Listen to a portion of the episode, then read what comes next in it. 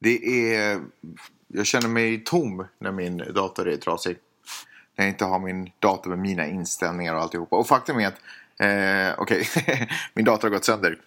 Så här är det, den vaknar inte. Batterierna tar slut, sen vaknar den inte mer. Jag, jag har tagit den till lagning så förhoppningsvis kommer den tillbaka. Och det enda, på det enda sättet som det här påverkar dig som lyssnar är att jag inte har några som helst jinglar nu till den här podcasten. Och inte ens min fina signaturmelodi finns längre. Men du kanske kan sjunga om den? Jag tänkte det. Så därför tänkte jag kicka igång den här podcasten med att jag sjunger den. Okej, Okej? okej. Eh, jag undrar, kan du göra det här? Nej.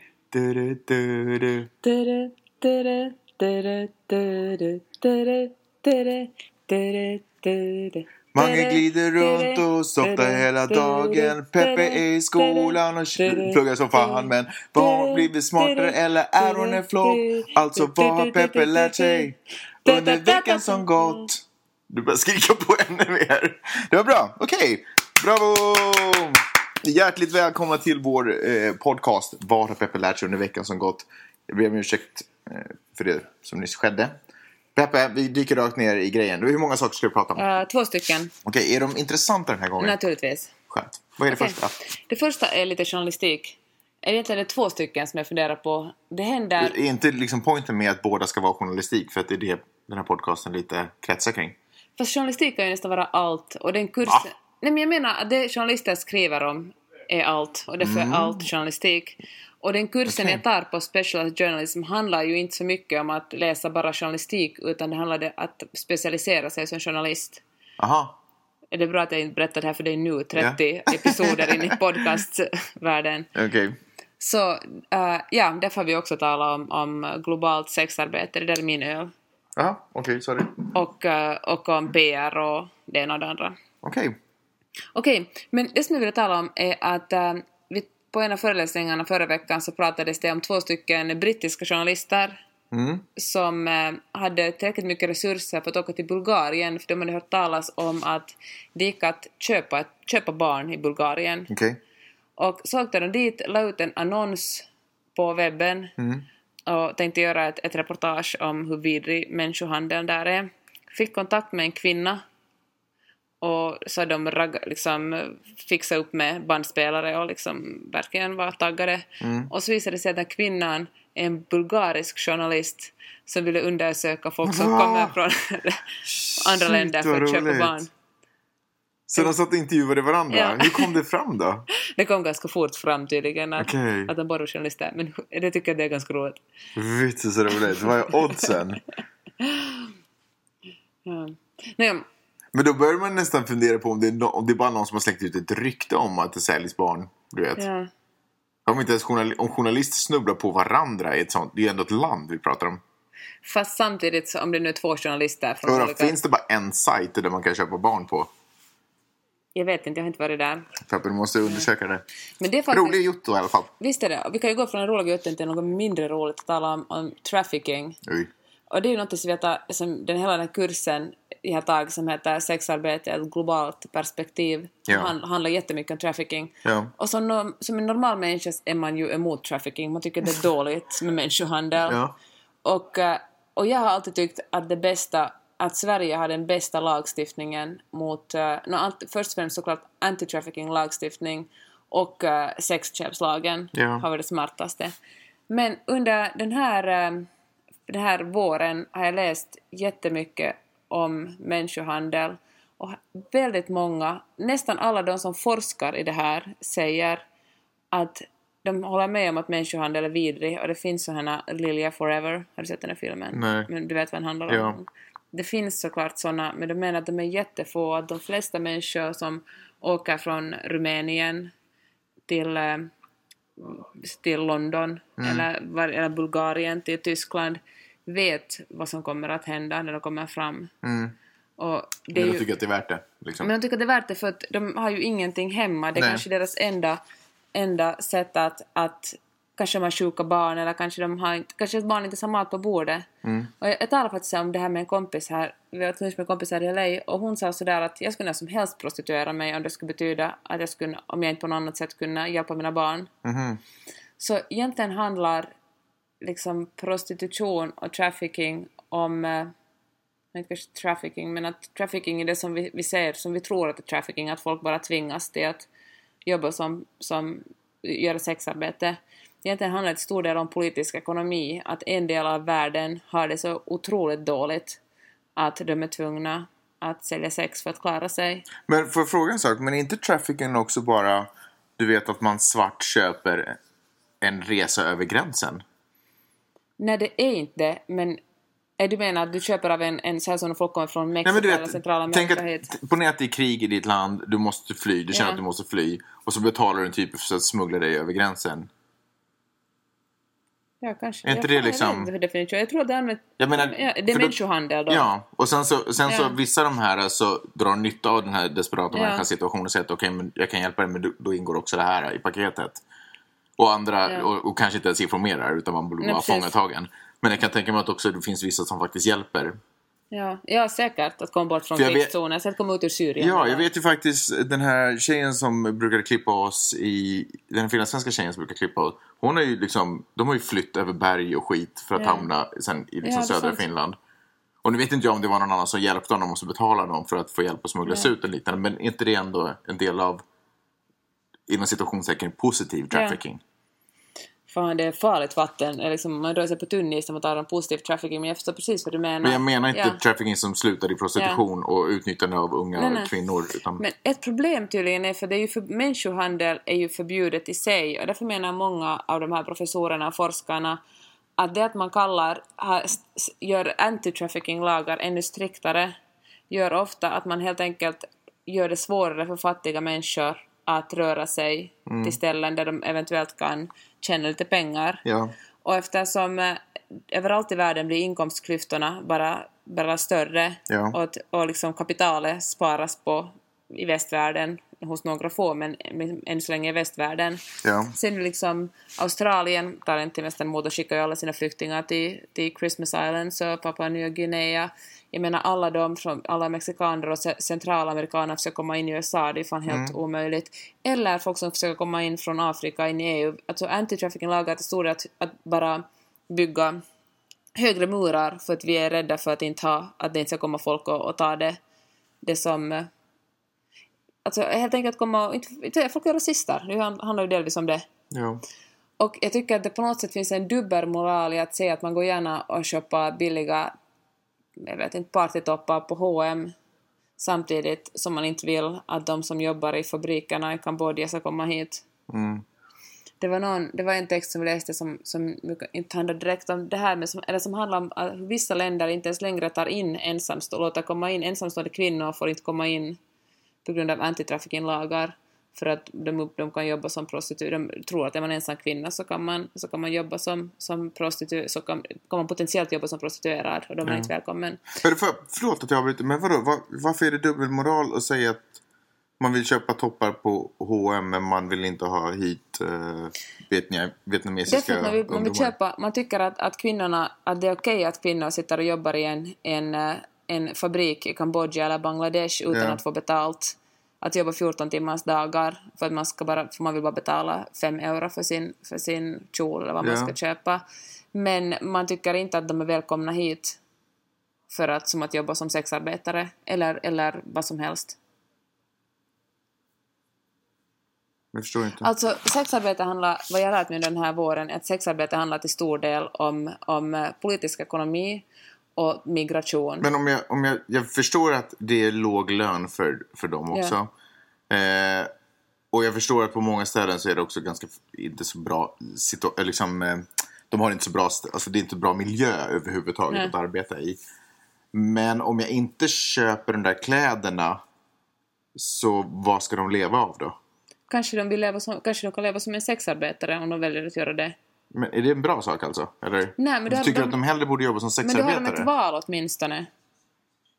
Men tror du inte att de redan nu har valet? Men nu känner de att de hellre Nå- sitter i fabriken och jobbar än inte, att de är sexarbetare? kanske ska komma in till Europa. Det här blir en, jag är jätterädd för att gå in i diskussionen, förlåt det är så hemskt. Mm. Men alltså det här, det, det vad jag har förstått under den här våren, vilket Mm. jag aldrig tidigare insett, är att hemskt många människor väljer att jobba som sexarbetare framför att jobba i en, i en fabrik. För att i en fabrik kan du vanligtvis inte försörja, om, den, de, om du får tre euro om dagen kan du vanligtvis inte försörja din familj ens i Bangladesh eller Kambodja. Och då helt enkelt måste man jobba som sexarbetare eller kanske åka till Thailand och jobba där som sexarbetare. Eller om man är Filippinska åka till Japan och jobba där som hostess. Mm. Och det beror ju inte, och nu menar jag inte att, att det är folks första val, att det är deras drömjobb, men eftersom vi är så giriga här i väst och den politiska ekonomin ser ut som den gör, skulle, Mm. skulle, skulle pengarna i världen vara lite mer jämnt fördelade Mm. så skulle det finnas mycket färre sexarbetare. Naturligtvis, om ens några. Ja. Absolut, såklart. Men jag kan ändå tycka att alltså, är alternativ, är det bättre att ta bort business därifrån än att... Alltså, det bästa är naturligtvis att betala skäliga, löner, löner. givetvis. Och förstå att när man Men går... att inte köpa hjälper ju inte till skäliga löner, eller? Och man kan sätta press på företaget och säga att den kan inte köpa någonting hos er förrän ni, förrän ni lovar att betala era, era sömmerskor bättre lön. Jag hör dig, men du är ju också den som säger att individen har ingen möjlighet att påverka saker och ting. Nej, precis. Att bara, Så- att bara bojkotta hjälper inte, utan då ska man göra något. Skriv ett blogginlägg, s- skriv ett mail till själva företaget Okej. och påverka på något sätt. Så alltså, att kon- på- Konsumentmakten är ganska liten. Att säga att man inte köper någonting kommer man inte så långt med. Det ska man Okej. komma långt med att verkligen göra någonting. Så att gå förbi de där butikerna utan att, att du vet, bara nonchalera dem hjälper inte situationen. Nej. Om jag på riktigt har emot om jag på riktigt bryr mig, alltså okej, nu förstår jag vad jag menar. Så, om jag går förbi och säger att jag köper inte saker där för att jag bryr mig om dem där borta.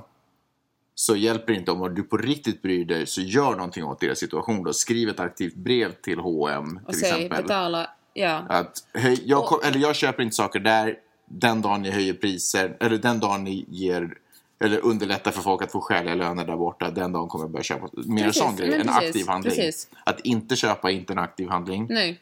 Och att köpa Snyggt. är ingen aktiv handling heller på Snyggt. sätt och vis för deras Men, välfärd. men att köpa billiga kläder och samtidigt fördöma folk och säga att ni är inte välkomna in hit heller för att jobba. Att ni, ni, är, ni är, vi antar att om någon kommer hit som att jobba som sexarbete är att är liksom, man är tvingad att göra du ser det som trafficking.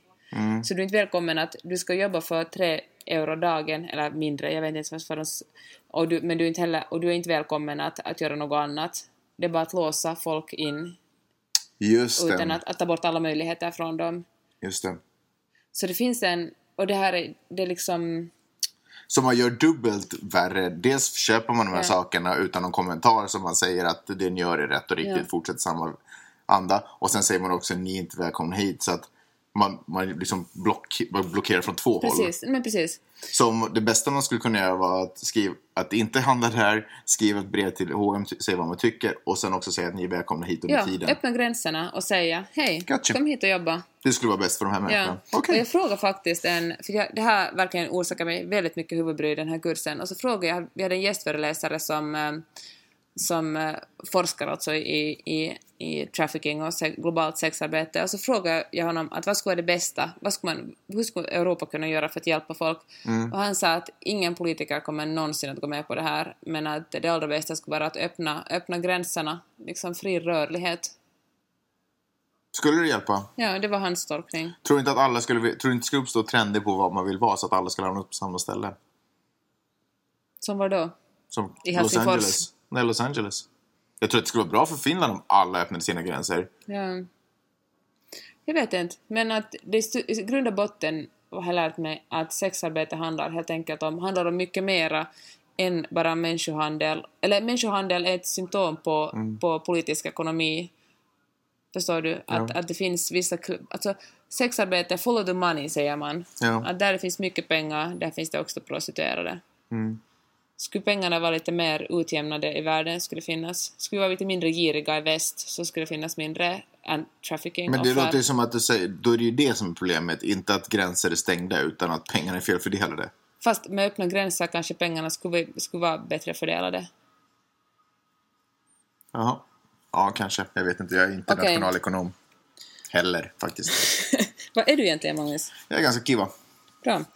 Okej, annan grej. Eh, En, en av mina journalistprofessorer berättade, vi talade om, eh, om journalistiken på LA Times, och han sa att en av hans forna kollegor hade nyligen fått sparken eftersom den här kollegan hade haft ett förhållande med sin källa. Okej. Och frun fick veta det först efter att den här journalisten kom hem och berättade att han hade fått sparken Mhm. för att han hade haft ett förhållande med sin källa. Och då frågar jag dig, tror du att man på YLE och HBL skulle få sparken när man skulle ha haft sex med sin källa? Nej. Det tror jag inte heller. Därför att vi, det är inte den typen av grävande journalistik som det ägnas åt huvudsakligen. Och inte annars heller tror jag det faktiskt. Nej, jag tror inte heller. För det ska ju ändå vara någons kompis kompis liksom. För att Ja. alla känner varandra. Jag tror att om man skulle ha haft om man skulle ha, om man skulle skrivit en massa artiklar om du vet något företag och det visar sig att man har haft sex med den personen, du vet att man har förhållande med den som styr det företaget. Mm. Då tror jag att det skulle kunna bli något av en kris. Då kanske den personen skulle måste gå. Men vet du vad den skulle bli? Den skulle bara bli omfördelad. Den skulle få ett jobb på. Kulturfonden. eller- Omfördelad. Nej men om, omplacerad. omplacerad. Den skulle få jobb på Kulturfonden eller på... Man ska flytta på ben på och något, liksom, på något annat säkert ställe. Ja, ett, lite högre, högre tro jag nog på min före detta arbetsgivare. Vi ska se. Vi ska, eller ja, ska Ska vi ett experiment? Nej, hur då? Nej, för ingen av oss är anställd av YLE. Så att, nej. Okej, nej. Det som är förresten en, ännu en sak som vi ska tala om innan vi slutar den här podden är, är ekosystem som jag lovade att vi skulle tala om för några veckor sedan. Okej. Och eh, det handlar om att, eh, du vet när man köper en, en Mac-dator till exempel. Ja, det vet jag. Så då är man ganska benägen, då har man oftast en iPhone för de funkar bra tillsammans. Ja. Och sen har man kanske Apple TV. Jag vet inte om du pratar om, när du säger man, menar du jag, menar du du, Men jag menar folk i du oss? allmänhet. Jag tror att, att man, har, man köper gärna att Jag kan inte, jag vet inte.